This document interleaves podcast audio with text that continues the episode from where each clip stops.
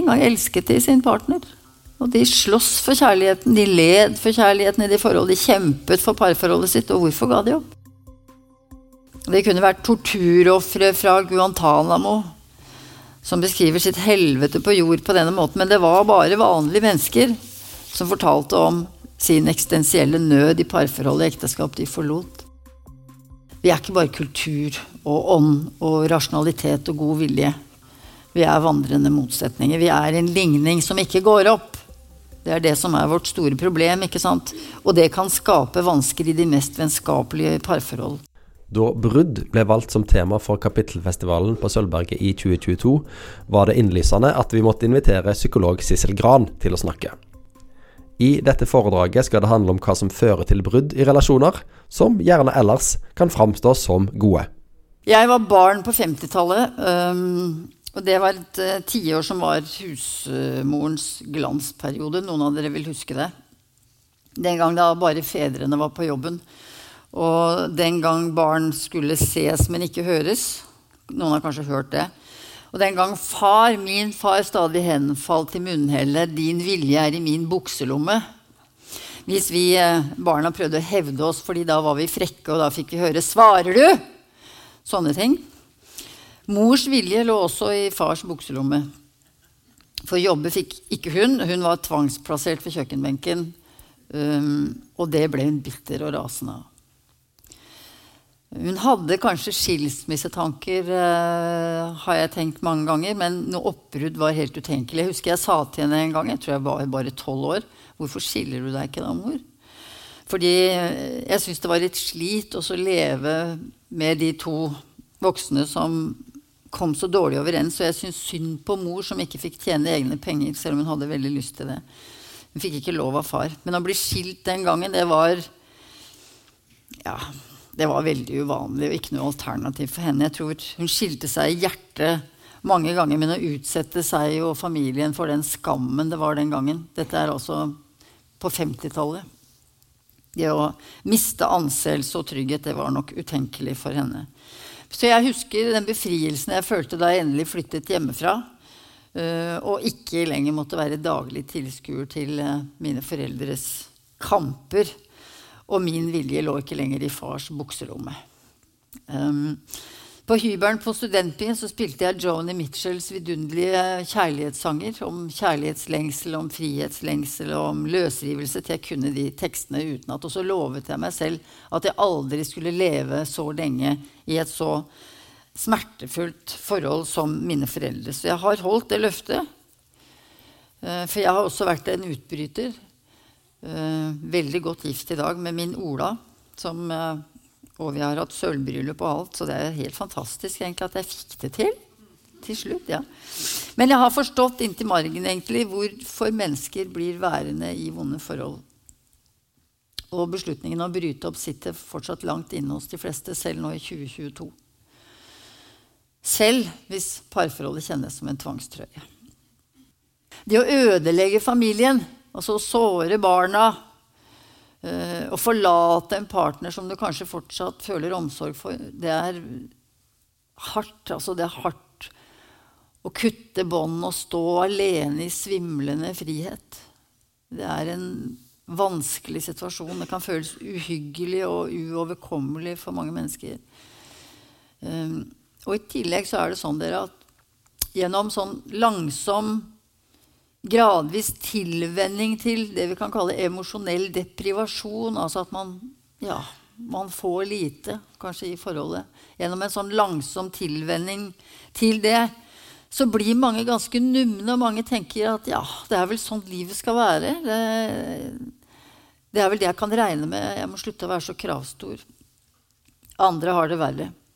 Så det som er saken, det er at for å ta en beslutning om å bryte opp fra et forhold, et ekteskap, et samboerskap, et kjæresteforhold, så må smerten ved å bli kjennes større enn smerten ved å gå.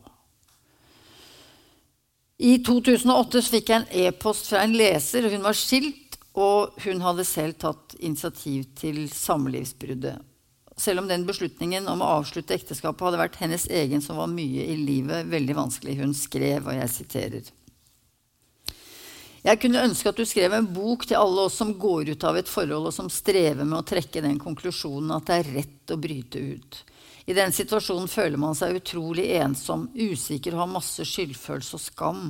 Venner forsvinner, familien distanserer seg og tar gjerne parti for den partneren som blir valgt vekk. Og selv ser en bare vellykkede familier og par overalt. Det er så mange tøffe sider ved å gå ut. Det er et så tungt ansvar å ta når barn er involvert. Og når er det rett? Hvordan skal det kjennes? Hva skal man gjøre? Jeg svarte på det ønsket da jeg mange år etterpå begynt på en bok om samlivsbrudd sett fra utbryterens perspektiv, altså en person som henne. Og for å skrive den boka så intervjuet jeg vanlige mennesker som hadde brutt opp fra lange forhold, lange ekteskap. Den var ferdig i 2016, og jeg kalte den boka 'Det er slutt'. Historier om løsrivelse.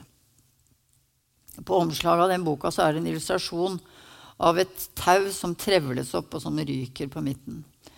Uh, og det er et symbolsk bilde på en tilknytning som brister. rett og slett.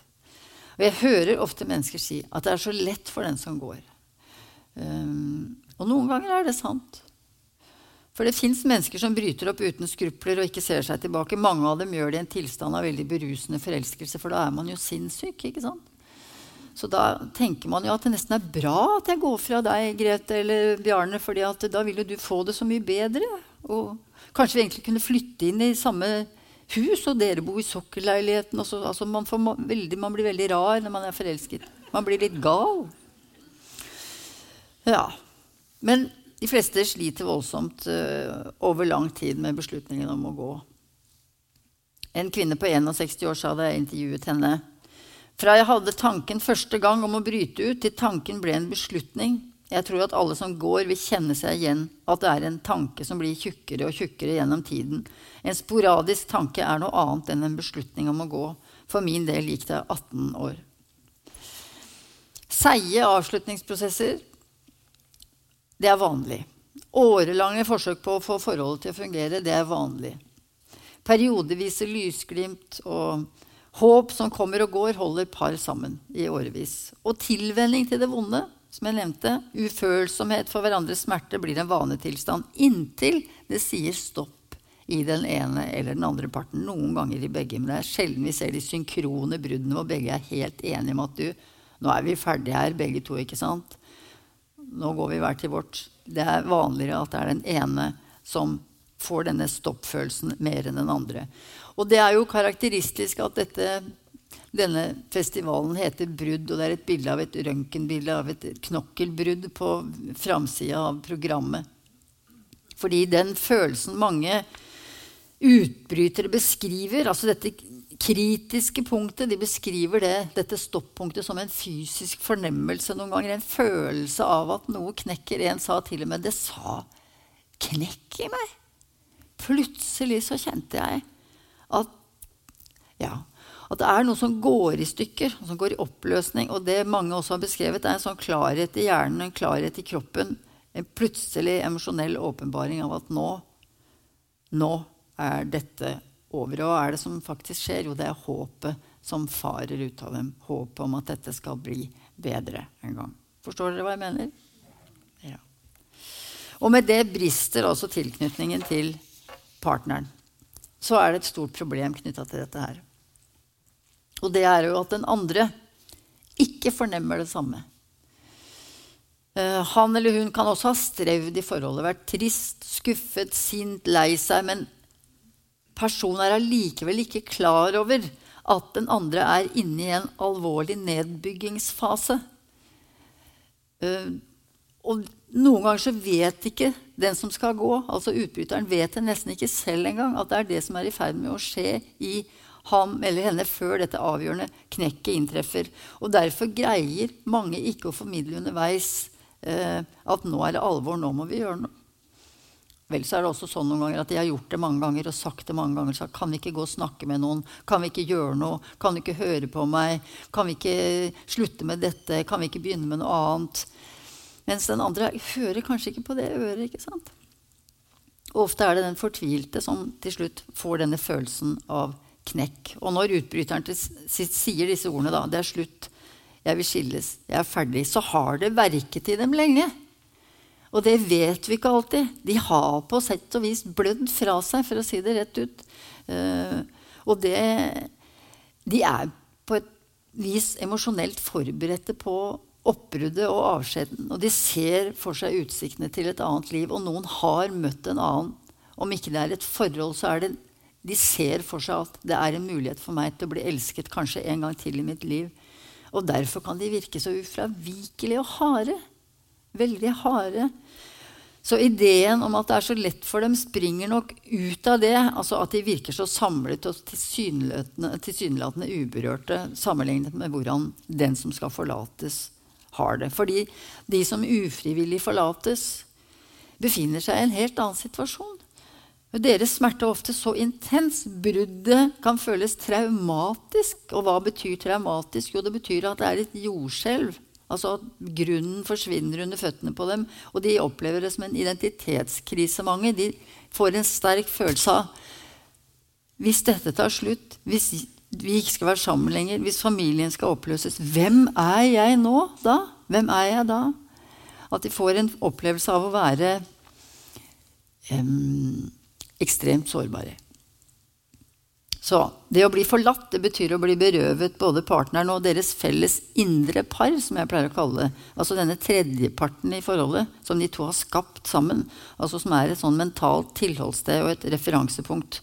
Og derfor er følelsen av hjemløshet så sterk hos mange forlatte, og derfor kan kjærlighetssorg vare så fryktelig lenge. Så forlatte kan trenge støtte og hjelp over lang tid uh, for å overleve i den nye situasjonen. Og det er naturlig og nødvendig at omgivelsene ja, deres sympati rettes mot dem. Men en konsekvens av det, det er at den som forlater, risikerer å havne i skyggen av samlivsbruddet. Fordi på denne måten vil utbryterens sorg og tapsfølelse bli undervurdert. Og vedkommende risikerer å bli betraktet som egoistisk og ufølsom. Både av den de har gått fra, av eventuelle barn og av omgivelsene. Det var det som hadde skjedd med en kvinne som skrev til meg Familien vendte henne i ryggen. De voksne barna syntes hun var kald og slem mot faren deres. De visste ikke at det hadde verket i henne i mange år at hun hadde følt seg usynlig, ensom og utsultet i ekteskapet. Så min hensikt, eller mitt anliggende med å skrive den boka, det er slutt. Det har rett og slett vært å renvaske utbrytere, dere. Uh, jeg har truffet mange av dem på min vei som terapeut. Og en gang elsket de sin partner. Og de sloss for kjærligheten, de led for kjærligheten i de forhold. De kjempet for parforholdet sitt. Og hvorfor ga de opp? Og det er ikke noe enkelt svar. Det er det vi skal snakke om her. Men mange sier at ja, nei, vi vokste fra hverandre, og vi kommuniserte så dårlig, og vi kranglet, vi var aldri enige om noen ting. Det er overflateforklaringer. Overflateforklaringer. For samlivsbrudd, når folk har levd sammen lenge, handler ikke nødvendigvis om det. Det er det som på en måte er på overflaten. Det er symptomene. De virkelige årsakene, underteksten, som mange har formidlet til meg, og som forskningen også viser, det er at ensomhetsfølelsen er der hos mange. Og selvfølelsetap. Lengsel etter å bli holdt og sett. At det er en smertefull opplevelse av eksistensiell nød. Og mangel på bekreftelse og anerkjennelse av den man dypest sett føler at man er. Det er sånne ting som ligger under, og som gjør at du til slutt kjenner 'Dette orker jeg ikke mer. Jeg må ut'. Men dette sier de jo aldri, for de greier ikke å sette ord på det. Og derfor blir også den som forlates, sittende igjen i uvitenhet om hva det egentlig handlet om. Et par hadde flyttet til mannens hjemsted da de fikk barn. Kona hadde følt seg mislikt der fra første stund fordi hun var bydame. Hun hadde gått fra en jobb hun trivdes i, forlatt venner og kolleger og strevde i alle år med å finne seg til rette, men mannen ville ikke høre på det øret. Hun var 48 år da hun fortalte meg sin historie. Ekteskapet hadde vart i 20 år, og de siste 15 hadde vært tunge. Da hun gikk, gikk hun ikke til en annen, hun gikk for å finne seg selv igjen. Og jeg skal sitere det hun sa. Den likeverdigheten vi hadde hatt, den forsvant. Vi ble fjerne for hverandre og hadde lite felles å dele. Mannen min hjalp meg ikke med å finne meg til rette. Han var uforstående til strevet mitt. Jeg fikk meg jobb, men jeg mistrivdes med småbylivet. Mannen min forandret seg, jeg forandret meg. Jeg trakk meg unna emosjonelt og seksuelt. Vi fant ikke på noe sammen lenger, og vi opplevde ikke noe sammen. Det gled jevnt utforbakke med oss. Jeg opplevde tilværelsen som kunstig åndedrett. Jeg følte at jeg bare holdt ut, at jeg ventet på å slippe ut av respiratoren og få puste selv. Det var et eneste stort skrik i meg etter å finne et liv som var mitt, som var meg. Jeg tenkte i årevis hvordan skal jeg si det? Hva skal jeg begrunne det med? Jeg gjorde ikke nok for å redde ekteskapet, det vet jeg, men jeg orket ikke verken rådgivning eller noe annet. Da vi til slutt kom oss til en terapeut, var det altfor seint. Jeg hadde ikke noe håp. Det var ingen kjærlighet eller varme følelser igjen.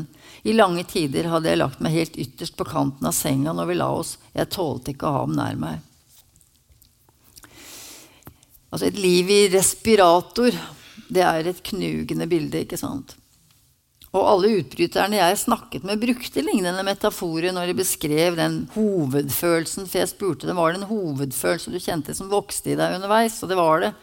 De sa sånne ting som Jeg følte meg som et dyr i bur. Det var klaustrofobisk. Jeg følte meg kvalt. Jeg følte meg tom. Jeg følte meg usynlig. Jeg var tapet. Jeg følte at jeg druknet. Jeg følte meg utslettet. Jeg følte meg uendelig ensom i forholdet, som på en øde øy. Jeg følte at jeg døde.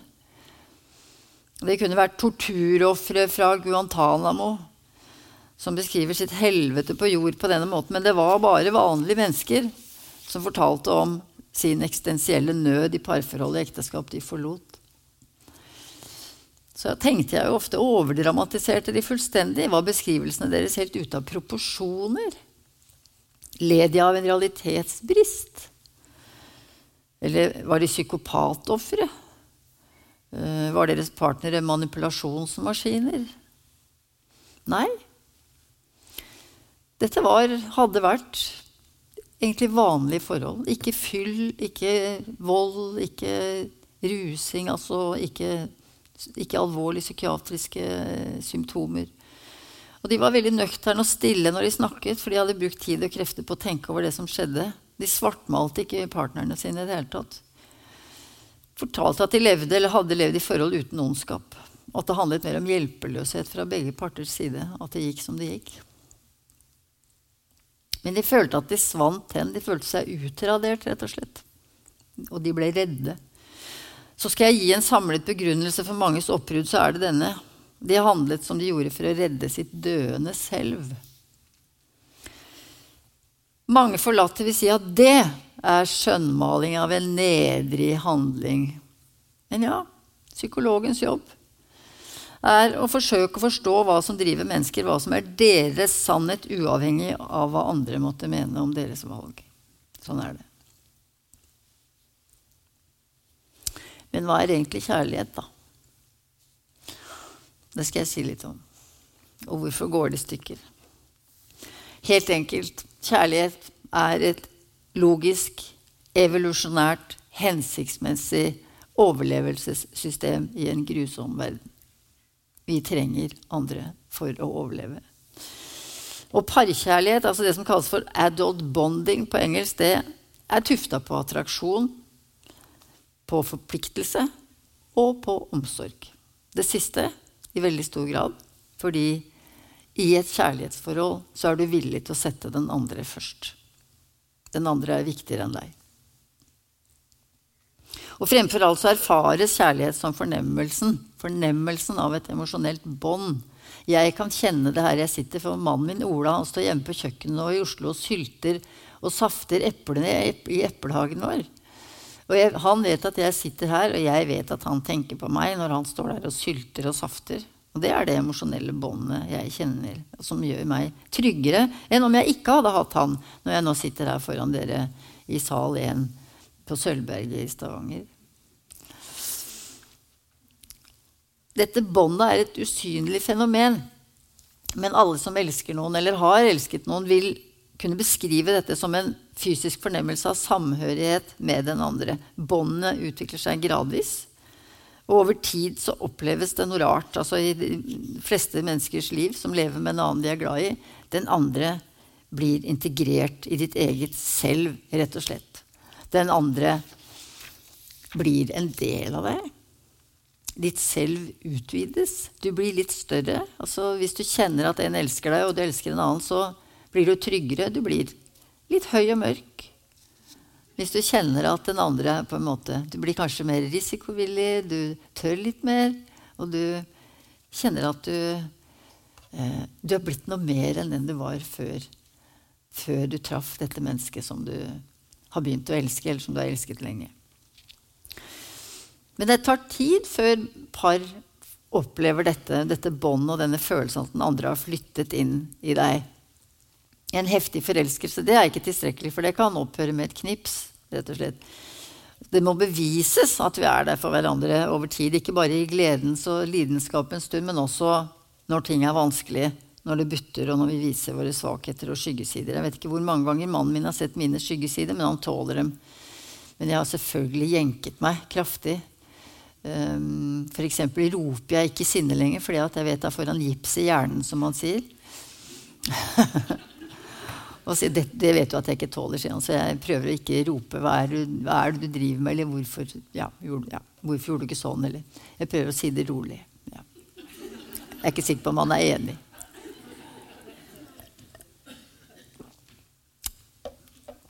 Fordi når vi er veldig forelsket, så er vi bare veldig eksaltert. Vi er veldig vibrerende, nervøse, og det er, en, det er på en måte både en, en gledestilstand, men også en nervøs tilstand. Sånn at det å være forelsket er veldig slitsomt. Man kan ikke være det mer enn i tre-fire måneder, for man blir så Man får ikke sove, og man greier ikke å spise, og man blir rar. Så når dette liksom roer seg litt ned, så er det mange som er litt glad for det, fordi uh, i det du begynner å føle deg litt beroliget av den andres nærvær, så kan vi snakke om at det begynner å utvikle seg et sånt emosjonelt bånd. at Da kan vi begynne å snakke om at det på, begynner å ligne på kjærlighet. Og så kan vi også si at moderne kjærlighet er tuftet på en slags usynlig eller ikke-kommunisert kontrakt. Det skal dere huske på. Dette står ikke så mange steder annet enn i mine bøker. Og den kontrakten har to hovedparagrafer. Og den ene lyder slik Hold meg. Vær det for meg Støtt meg i mitt daglige liv og i nødens stund. Det handler om tilknytning til den andre. Og den andre paragrafen La meg si det sånn. Denne, dette behovet for å bli holdt, for å bli beskyttet av andre, eller særlig av den ene, det er noe vi trenger fra vugge til grav. Altså Det lille barnet trenger å kjenne at det er beskyttelse der, og vi trenger det som voksne, og vi trenger det som gamle. Hele livet trenger vi å kjenne at vi hører til, og at det fins beskyttelse i våre nære relasjoner. Og for mange mennesker så er partneren den, den nærmeste, den beskytteren. Det er derfor det er så rått ille når et forhold går i stykker, og du mister en du faktisk var glad i, eller den personen dør fra deg. Den andre paragrafen, den lyder sånn Se meg. Anerkjenn den jeg er. Forstå meg, da. Vær så snill. Og det handler om identitetsbekreftelse. Hele livet så arbeider vi jo for å bli oss selv. For å opprettholde et bilde av oss selv som en det er verdt å elske. En som er ok. En som det er verdt å satse på, og den vi stoler mest på. Viser jo parforskning og annen forskning. Det er faktisk fortsatt i vår moderne tid partneren. Vi stoler mest på han eller henne når det gjelder å få hjelp til å utvikle en ålreit identitet. At mannen din sier 'du er bra'. Selv om du sier 'jeg får ikke til noen ting', og 'det går ikke noe bra på jobben for tiden'. Jo da, sier han. Det, 'Dette får du til'. Uh, 'Dette greier du. Dette skal vi stå i'. Og hun kan si til han hvis han har mista jobben eller er blitt permittert 'Dette skal vi klare'. Og mange menn sier jo hadde det ikke vært for kona, så vet jeg ikke hvordan jeg skulle klart denne situasjonen osv. Så, videre, så det handler om både å bli holdt og det å bli sett, som er de to hovedparagrafene i kjærligheten. Er det sånn at dere syns det gir mening? Ja? Det er ikke bare ko-ko snakk? Fint, det. Ja. Så la meg veldig kort oppsummere hva som er det moderne parforholdets hensikt. da. Vi skal være hverandres støtte, vi skal holde hverandre, vi skal anerkjenne hverandres unikhet og være hverandres livsvitne i lyst og nød. Livsvitne. Vi skal sørge for at den andres lille liv ikke går upåaktet hen i en verden med milliarder av mennesker som aldri kommer til å bry seg om oss. Men det skal den andre gjøre. Og så skal vi selvfølgelig ha noen venner, en familie, noen kolleger kanskje. Men det viktigste, hvis vi har en som vi er glad i, er faktisk den partneren som livsvitne. Når vi ikke har det lenger, så er det fryktelig viktig at du har et livsvitne som er en annen. Altså en god venn, en venninne, en søster, eh, andre i din nærhet som kan følge med på deg på en fin måte og si 'Du er bra. Jeg liker deg. Du får det til'. Ja. Så kjærlighet som virker, det er en slags vekstprosess, det egentlig. En form for selvutvidelse og en fornemmelse av et indre fellesskap, et indre par, et vi, som gjør at vi kjenner oss større og sterkere i møte med livets utfordringer. Og Det er derfor kjærlighetssorg er så forferdelig, så fysisk at vi føler at hjertet går i stykker hvis vi blir forlatt, eller hvis den vi elsker, dør fra oss. Alt i oss verker. Vårt selv krymper. Følelsen av å være sterk og selvutvidet reverseres. Vi opplever oss ubeskyttet og hjelpeløse. Den danske forfatteren og vitenskapsjournalisten Lone Frank har skrevet en bok som heter 'Størst av alt', om kjærlighetens natur. Vi har hatt noen morsomme samtaler, hun og jeg, fordi jeg har jo skrevet en bok som heter 'Men størst av alt er begjæret'. Det er et nikk til Paulus. Mens hun har skrevet en bok som heter 'Størst av alt', om kjærlighetens natur. Men vi er egentlig opptatt av akkurat det samme. Men det som skjer med henne, som skjedde for noen år siden, det var at ektemannen døde av kreft. Og plutselig skriver hun, kjenner hun at hun aldri har forstått at hun var en del av ham og han en del av henne, og at dette var en enorm beskyttelse som hun tok for gitt og aldri tenkte over. Hun lå på sofaen og gråt i et halvt år før hun kom på beina igjen. Og så skrev hun en bok om det, tror jeg, for å overleve. Den er vel verdt å lese, dere. Men størst av alt, eller størst av alt om kjærlighetens natur. Lone Frank. Det er ikke verst. Det reklamerer for andre forfattere. Må jo det. Men døden er ikke den vanligste foranledningen til vår smertefulle oppvåkning, altså til eh, vår forståelse av at ingenting er uforanderlig.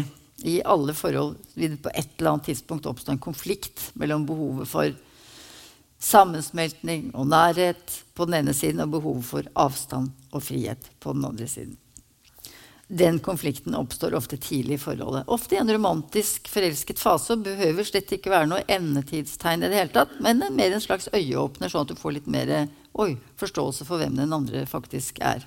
Og at du ser at den andre er et jordisk individ, da, og ikke en gud. Men like fullt så er det en erfaring eh, som en som heter Roland Barth, eh, fransk eh, forfatter og filosof, i sine fragmenter av kjærlighetens språk kaller forfallspunktet. Merk dere ordet 'forfallspunktet'. Den plutselige tilsynekomsten av noe som utfordrer bildet av den ufeilbarlige andre og den ufeilbarlige relasjonen. Skjønnlitteraturen er full av sånne forfallspunkter, og skal jeg velge meg ett Nå skulle jo Karl Ove Knausgård vært her og holdt foredrag, og sånn, men han er jo ikke her, så jeg får sitere litt Knausgård her. Fordi et forfallspunkt er nærgående beskrevet av ham i Min kamp etter at han, etter at han har fått sin Linda, da, kvinnen som forårsaket at han besvimte av sinnsbevegelse tidlig i deres relasjon. Og han skriver da i boken her at for første gang i sitt liv så er han lykkelig. Det er ingenting som kan overskygge gleden. Alt som før har vært meningsløst, er som blåst bort. Um, nå er hele tilværelsen fylt av mening bare han er sammen med Linda. Og de er sammen hele tiden, forteller han. De forteller hverandre alt. Han føler seg fullkomment fri. Samtidig er dette en unntakstilstand, og han vet det. Fallet, skriver han, eller altså forfallspunktet, som Roland Barth kaller det, kommer til å inntreffe på et eller annet tidspunkt. Noe umerkelig skjer, skriver han. Noe i livet blir mattere, gløden er ikke like sterk lenger, det oppstår små misstemninger. En lørdag våkner han opp og tenker at det kunne vært fint å være litt for seg selv. Gå i antikvariater, sitte på en kafé og lese aviser. Jeg siterer. Vi sto opp, gikk ut på den nærmeste kafeen, bestilte frokost, dvs. Si grøt, yoghurt, ristet brød, egg, juice og kaffe. Jeg satt og leste avisene. Linda stirret ned i bordet eller ut i lokalet, sa til sist Behøver du sitte der og lese? Kan vi ikke prate isteden? Jo, selvfølgelig, sa jeg og lukket avisen, og vi ble sittende og prate. Det gikk fint. Den lille svarte flekken i hjertet var knapt merkbar. Et lite ønske om å være alene og lese i fred uten at noen krevde noe av meg, gled fort over. Men så kom punktet hvor det ikke gled over, hvor det tvert imot gled inn i de følgende tilstandene og handlingene. Hvis du virkelig elsker meg, må du møte meg uten krav, tenkte jeg, men jeg sa det ikke. Jeg ville at hun skulle merke det av seg selv. Sitat slutt. Den lille, svarte flekken i hjertet. Det er jo godt sagt, da. Forfallspunktet. Hvis vi vil ha et mindre dramatisk bilde, så kan vi jo tenke oss Du ser en gul, nydelig, plettfri banan, så snur du den rundt, og der er det en brun flekk på bananen. gitt. Det er også et forfallspunkt. ja. De som har lest Min kamp og fulgt med på ferden eh, etter det, de vet jo hvordan det ender. Altså, I dette forholdet så er fallet et dommedagstegn. Og det ender med brudd, riktignok etter mange år, som det gjør i veldig mange forhold. Hvordan går det med dere? Blir dere deppa? Disaffection, altså Affection det jo, betyr jo hengivenhet. Men disaffection er det motsatte. Altså det benevnes disaffection i faglitteraturen, som beskjeftiger seg med samlivsbrudd. da. Eh, når vi snakker om nedbygging av hengivenhet og varme følelser, hva vi like så godt kan kalle avelsking. rett og slett. At du avelsker deg. Det tar ofte tid, denne avelskingsprosessen. Eh, og i mange forhold så starter en sånn emosjonell reverseringsprosess, en sånn tæring, veldig umerkelig og langsomt. Og de eneste som slipper det, dere, som slipper litt sånn tæring, det er de som er forelsket hele tiden. Og hvem er det som er forelsket hele tiden? Jo, det er de som ikke får hverandre, det. Som uh, ja, har et lånt forhold der på si, eller som aldri blir en vane. Altså der tilvenningen aldri inntreffer, og besettelsen og risikoviljen alltid nærer partenes begjær. Um, og det ville håpet da, om å kunne være sammen for alltid. De skal være glade for at ikke de får det til, for da kan de fortsette å være fulle av håp og glede år ut og år inn. Men andre da, altså, vi andre da som har fått hverandre, begynner ofte å streve med kjedsomhet og hverdag og misnøye. Og det etableres etter hvert en grunnscene i veldig mange forhold. Jeg har også vært inne i den mange ganger. Det er de samme kranglene de samme misforståelsene og de samme handlingsmønstrene gjentas om og om igjen. Og hvis det blir riktig ille, så nagler de to partene hverandre til roller som de ikke kommer ut av. ikke sant? Um, og det kan være utmattende å bli en sånn drepende runddans som jeg kaller en Strindbergsk dødsdans. Det er etter et teaterstykke av August Strindberg, som er et par som ja, nyter å stikke hverandre med kniv, vil jeg si. Altså et giftig forhold de har giftig, en giftig glede av å såre hverandre. Og sånne par kan være en veldig stor utfordring for sånne som meg, altså parterapeuter. Men det er noe annet som er vel så vanskelig, som er et hovedtema på terapeutens kontor. Og det er når konflikten mellom tilknytning og varme og vennskap og nærhet på den ene siden liksom kolliderer med behovet for erotisk spenning og tenning og litt villskap på den andre. For når par kommer og sier dette, og det gjør mange, også ganske unge par, vi er så glad i hverandre, sier parene. Men vi har nesten ikke sex. Hva skal vi gjøre? Det er den verste bestillingen vi parterapeuter kan få. ja, hva skal de gjøre? Skal de våge seg inn på kondomeriet eller på en erotisk nettside og kjøpe morsomt sexleketøy? Det anbefales i de tusen millioner samlivsspalter. Skal de gå på date og ha kjærestekveld? når de egentlig er helt utslitt og ungene så vidt har kommet seg i seng og de kanskje skal få en barnevakt. da. Eller skal de dra på storbyferie til Berlin for å få opp gnisten? da? Eller skal de gå på bar og late som de ikke kjenner hverandre og sjekke hverandre opp? Det er det noen terapeuter som anbefaler. skal de se på porno sammen? Ja, det. Skal de gå på samlivskurs og grine sammen med andre som sliter? Det er kanskje en bedre idé. Men mange vil ikke det heller, altså. Eller skal de ligge i sofaen med vinglass og se på Netflix-romantiske serier? Altså Når par har glidd inn i dvalen og ikke lenger gidder å utforske hverandre, som de gjorde i sin tidlige fase, så greier de ikke å gjøre noe særlig av dette som jeg nevnte nå. Kanskje med unntak av det med Netflix-serier og vinen. det beste var hvis de da kunne si nei, vi må gjøre noe. sånn kan vi ikke ha det. Nå har vi liksom blitt to begge er blitt en daff slaraff. Nå må vi gjøre noe her før, eh, før det liksom eh, renner ut i sand med oss. For det fatale resultatet av manglende erotikk, spenning og iallfall nysgjerrighet, da, nysgjerrighet på den andre, det kan bli en langsom nedbygging av hengivenhet og forpliktelse og interesse. Den ene orker etter hvert ikke bare være kompis med, med kjæresten sin. Det blir vanskelig. De orker ikke en munke- eller nonnetilværelse. Jeg har snakket med så mange som sliter med det, som er glad i, men som ikke lenger klarer å være munk eller nonne. De føler at de slukner. Det kan hjelpe å gå i terapi. Jeg har fått det til med noen av disse som føler at de har slukna. Og hva må man gjøre da? Man må hjelpe dem til å åpne opp ordentlig for det flaue, for det pinlige, for det vanskelige, for det sårbare. Og hjelpe dem til å snakke fra et sårbart sted og si noe om hva de faktisk trenger. En kvinne som var vokst opp i bibelbeltet, satt hos meg sammen med mannen sin. Rødflekkete på halsen, rød i ansiktet. Og han skjønte ikke hva som var i veien. De hadde det jo bra, men hun var så sint. Hun var så sint på han og kjefta så mye på han.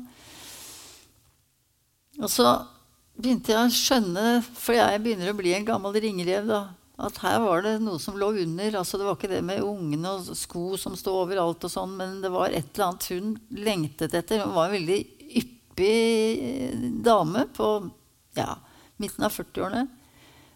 Ikke kjempevakker, men veldig stilig. Han var en litt mer sånn tilkneppet, uh, formell mann. Så jeg spurte henne hva er det du egentlig har lyst til å si til han. Nei, det gikk ikke. Det var, uh, lurte, det var vanskelig. Ble veldig rød. Vokste opp i en veldig kristen familie. Fått mye skjenn fra hun var ung for å være liksom, by seg fram. Hun kunne ikke noe for det, for alt i henne strutta. liksom, Eller hele kroppen strutta. Det var ikke noe å gjøre med. Ikke sant? Og så tenkte jeg hun har en ganske erotisk sjel, den damen der. Hun er et eller annet hun savner veldig hos denne mannen sin. Og så sa jeg skal jeg hjelpe deg litt grann, og si hva jeg tror du gjerne skulle sagt til han. Ja, hun satt liksom sånn. Og så sa jeg lurer på, sa om du lurer på om du er en sånn flott jente som vil ha litt mindre demokrati på soverommet. Ja. Åh, vet du, Flash, ikke sant? Han Ja, sa hun. Pep. Og så sa hun kanskje det er litt sånn at du, du, gjerne skulle hatt litt mer av mannen din. Liksom at, at, du savner, savner litt mer saftig sex. At, du, at det er derfor du er så sint. Ja. Han ble mer og mer forbauset sånn. Men kan du si det til han, da? sier jeg nå. Nei. Og så holdt jeg litt på mer med dette, med innlevelse. Til slutt så greide hun å si, vendte seg mot han med rødflekkete hals og sa jeg skulle ønske at du røska litt mer i meg. At du tok litt mer tak i meg, rett og slett, for jeg trenger det for å liksom føle at du syns at jeg er flott. At jeg, jeg, vil egentlig bare veldig gjerne bli litt mer begjært. Da sa han Er det det det handler om, dette her? Og nå skal jeg banne, og jeg beklager for jeg må bare gjengi det han sa. Er det greit? Du vil at jeg skal bli litt mer he-man, altså? Ja, det skal jeg faen meg klare, sa han. Vi trengte bare én time, vi.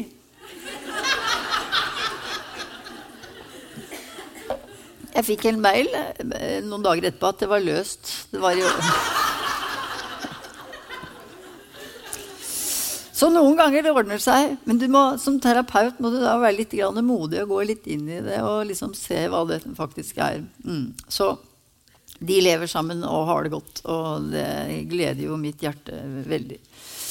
Men mange klarer jo ikke det. Og det Vennskapet er der fortsatt, og foreldreskapet, det hyggelige felles hjemmet, men den erotiske tiltrekningen til partneren har avgått ved døden i noen forhold. Det, jeg ser jo det at for noen 30-40-åringer og 50-åringer og 60-åringer også kan det føles som en katastrofe, rett og slett. Og da tenker mange skal jeg leve sånn resten av mitt liv? Er dette alt? Er det slutt? Liksom, hva med den andre delen av meg. Altså, og den tanken springer jo ikke ut av ondskap, den, men den springer ut av det faktum at vi ikke bare er trygghetssøkende og tilknytningsorienterte individer. Vi er også lystdrevne. Står i Bibelen. Mm. Derfor Paulus og den boken jeg skrev som heter 'Men størst av alt er begjæret', fordi han holder jo en tordentale til eh, Eller det er et brev til menigheten i Korint. eh, hvor det er uvennskap og hor og forferdeligheter. Og hvor han sier at Det er der han snakker om tro, håp og kjærlighet, som alle leser høyt i alle bryllup. Og, men man leser bare akkurat den med størst av alt. Så blir de stående, disse tre. Tro, håp og kjærlighet, men størst av dem er kjærligheten. ikke sant? Og da tror jo alle i det bryllupet at det er det Paulus sa, men han kjeftet jo voldsomt på menigheten i Korint. Man tok dette inn som et lite innsmett. Dette kan dere, for dere kan Bibelen deres. Han sier jo et annet sted noe som er ganske så tøft. Han sier 'Jeg forstår ikke meg selv'. Det gode som jeg vil gjøre, det gjør jeg ikke. Men det onde som jeg ikke vil gjøre, det gjør jeg. Og det er han inne på nå. Og det er derfor jeg skrev den boka om begjær og kalte den 'Men størst av alt er begjæret'. Fordi noen ganger gjør folk ting de egentlig ikke har lyst til å gjøre, men de gjør det likevel. Forstår dere? Ja. Fordi vi har noe i oss. En motor som heter begjær, livslyst, eros. Og mennesket har et behov for å erobre og for å bli attrådd og for å føle seg levende og vital. Og det Vi er ikke bare kultur og ånd og rasjonalitet og god vilje. Vi er vandrende motsetninger. Vi er en ligning som ikke går opp. Det er det som er vårt store problem. ikke sant? Og det kan skape vansker i de mest vennskapelige parforhold. En mann jeg intervjuet, han sa vi hadde det bra, men gled allikevel umerkelig fra hverandre etter at vi fikk barn. Det ble mindre sex og mindre kontakt. Vi kranglet ikke, men snakket sjelden om alvorlige og viktige ting som angikk oss. Vi var altfor unnvikende begge to når det gjaldt å ha sånne samtaler. Ingen av oss var vel vant til det hjemmefra. Det har jeg tenkt mye på siden. Vi kom begge fra veldig tradisjonelle hjem. Det var ikke mye følelsessnakk der. Han var i midten av 40-årene da han brøt ut av ekteskapet. Det var en vond avgjørelse, sier han. For mye var bra i forholdet. Men noen kjæreste hadde han ikke hatt på ti år da han til slutt gikk. Og da han og kona ble foreldre, så sluttet hun å interessere seg for ham seksuelt uten at han noen gang forsto hvorfor. Etter ti år i ørkenen, sa han, så kjente han at det var for tidlig for ham å oppgi den siden av seg selv. Han ville ha et helere samliv, ikke bare være venn. Og den historien handler jo om å bli aseksuell og sitte igjen med en kameratkone. Men den handler eh, vel så mye om det jeg vil kalle unnvikelsens forbannelse. Og hvordan taushet og tilbaketrekning tørker ut forhold. For det er nesten sånn at jeg tenker noen ganger det å ikke snakke ordentlig med hverandre om alvorlige ting eller viktige ting, er noe av det verste. rett og slett. At, det bare, at vi legger lokk på alt som er vanskelig, til det sier knekk i den ene parten. Men hva er det verste vi kan gjøre da mot en vi er glad i? Nå skal jeg vri kniven skikkelig rundt her, altså. Noe som kan forårsake et akutt brudd noen ganger. Utroskap, selvfølgelig. Ehm, for mange forhold opphører med et smell hvis den ene har forlystet seg med en annen. Men det verste, det aller verste, det er å svikte i nødens stund. Svikte i nødens stund. Det å unnlate å være der for uh, din kjære når han eller hun er i en utsatt og sårbar situasjon. Og mange utbrytere jeg har møtt, de forteller om det akkurat det å føle seg totalt ensom i møte med kreftdiagnosen, den uønskede graviditeten, aborten, altså den uh, spontanaborten, et foreldres dødsfall, et sviende nederlag på jobben, sånne ting. I stedet for å ile til og støtte og trøste og hjelpe, så har partneren vært unnvikende eller fraværende eller avvisende. Og det er et fundamentalt brudd på kjærlighetens emosjonelle kontrakt, som jeg nevnte i stad. Og det kan forårsake et parforholdstraume. Kaller vi det et parforholdstraume. Rett og slett et sjokk som rokker ved alt tillit, håp og tro.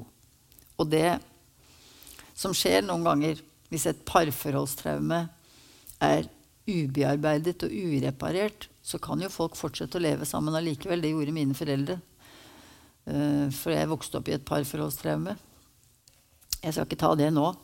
Jeg skal heller ta det som er dagsaktuelt, for det er 100 år siden eh, Sigrid Undset skrev 'Kristin Lavransdatter'. Trilogien. Og nå går den for fulle hus på Norske Teatret i Oslo. Det er bare ni timers forestilling, så bare dra inn og kos dere. Men den er bra visst. Jeg skal på den. Men altså Et sånt ureparert, ubearbeidet parforholdstraume kan ligge der og skape uro eller hjemsøke et forhold som et spøkelse i årevis. Og dette skjer i Kristin Lavransdatter, der Kristin aldri kan tilgi Erlend, Erlend Nikolaus sønn, som hun så, elsker så veldig. Hans handling den gangen de var nygifte, for de sleit i sju år for å få hverandre. ikke sant? Det var stor skam, det hele. Men de fikk hverandre til slutt. Men den gangen de var nygifte, og han oppdager plutselig Han streifer liksom kroppen hennes og oppdager at hun er med barn. Det har hun holdt skjult for alle, og også for ham, for ingen måtte vite at hun sto brud uten å være jomfru. Taus og forferdet snur han seg bort fra henne når han oppdager dette her. De skal legge seg for natten. Hun er i bare serken. Hun har ikke snørt seg sånn at han merker dette her. Han legger seg med ryggen til henne i sengen, og jeg siterer. Det var som hun sank og sank. Ikke et ord eide han å gi henne, nu da han visste hun hadde båret hans barn den lange, tunge tiden. Kristin bet tennene sammen i mørket. Ikke skulle hun tigge ham. Ville han tie, så skulle hun tie, hun med, om det så skulle vare til den dagen hun fødte det. Harmen flommet i henne, men hun lå huggende stille inntil veggen, og Erlend lå stille i mørket. Time etter time lå de slik, og den ene visste at den annen sov ikke. Til slutt hørte hun på hans jevne pust at han blundet inn. Da lot hun tårene renne som de ville, av sorg og av krenkelse og av skam. Dette syntes hun at hun aldri ville kunne glemme. Det gjør hun da heller ikke. Og hele trilogien om Kristin Lavransdatter er i tillegg til å være en fantastisk historisk beretning, en oppvisning i ekteskapelig stivsinn og evinnelig kverning på urett.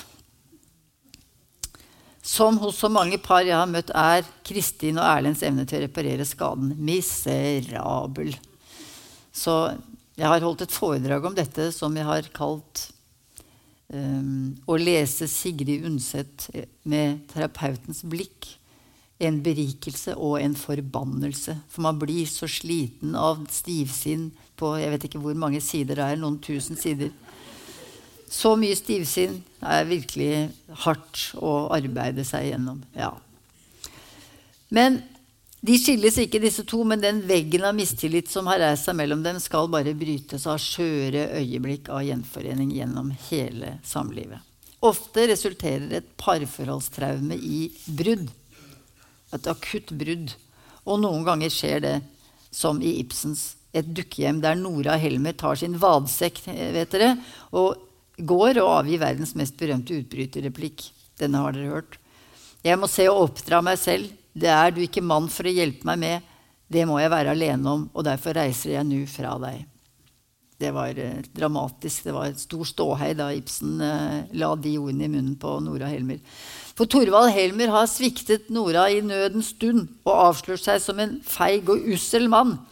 Fordi For mange år siden reddet hun en syk Thorvald. Jeg bare tar det fort igjennom. Skaffet penger til et rekreasjonsopphold for mannen i Italia ved å skrive falskt. Dette husker dere.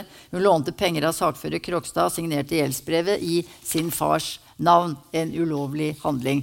Og nå truer Krogstad med å avsløre henne dersom hun ikke sikrer hans stilling i banken, der Thorvald Helmer er direktør.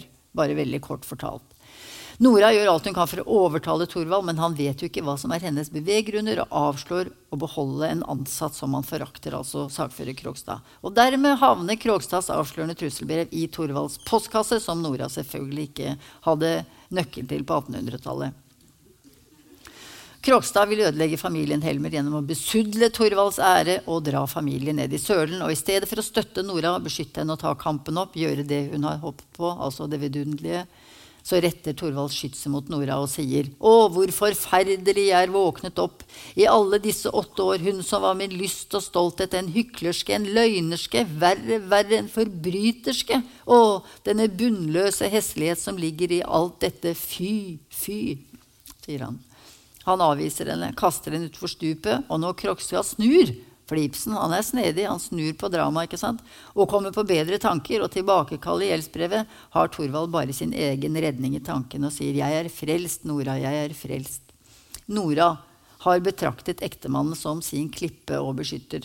Og slik har han også betraktet seg selv som den sterke, den modige og ansvarlige. Og når Thorvald krakelerer foran Noras øyne, slutter hun å beundre og elske ham. Hun har riktignok ikke elsket ham for den han er, snarere for den hun har trodd han er, men resultatet er uansett at tilknytningen til Thorvald ryker med et smell.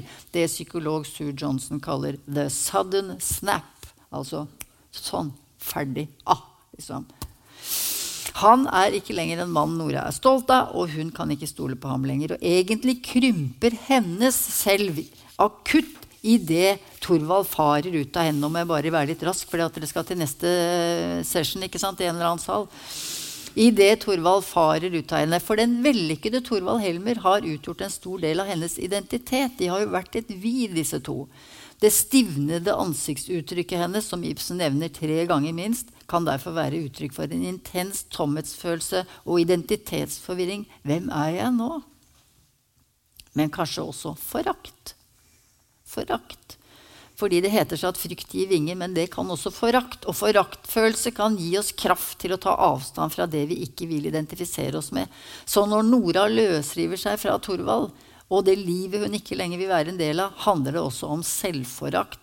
Nora forlater et selv som hun ikke lenger kan være bekjent av. Hun har levd et liv i uvitenhet, vet dere, og nå er den viktigste oppgaven hennes å oppdra seg selv. Dette er en opplevelse felles for mange utbrytere også i vår tid. I parforholdet er de blitt et menneske de ikke vil være. Og for å redde sitt selv eller finne seg selv igjen og gjenerobre den de dypest sett føler at de er, må de forlate sin partner. Regnskapet som munner ut i en historie om et parforholds oppløsning og avslutning, blir av sosialpsykolog og kommunikasjonsforsker Steve Duck kalt grave dressing. Jeg kaller det gravpynting. Jeg syns det er en treffende beskrivelse på det arbeidet som gjøres av begge parter når et forhold går mot slutten, når det oppløses og dør.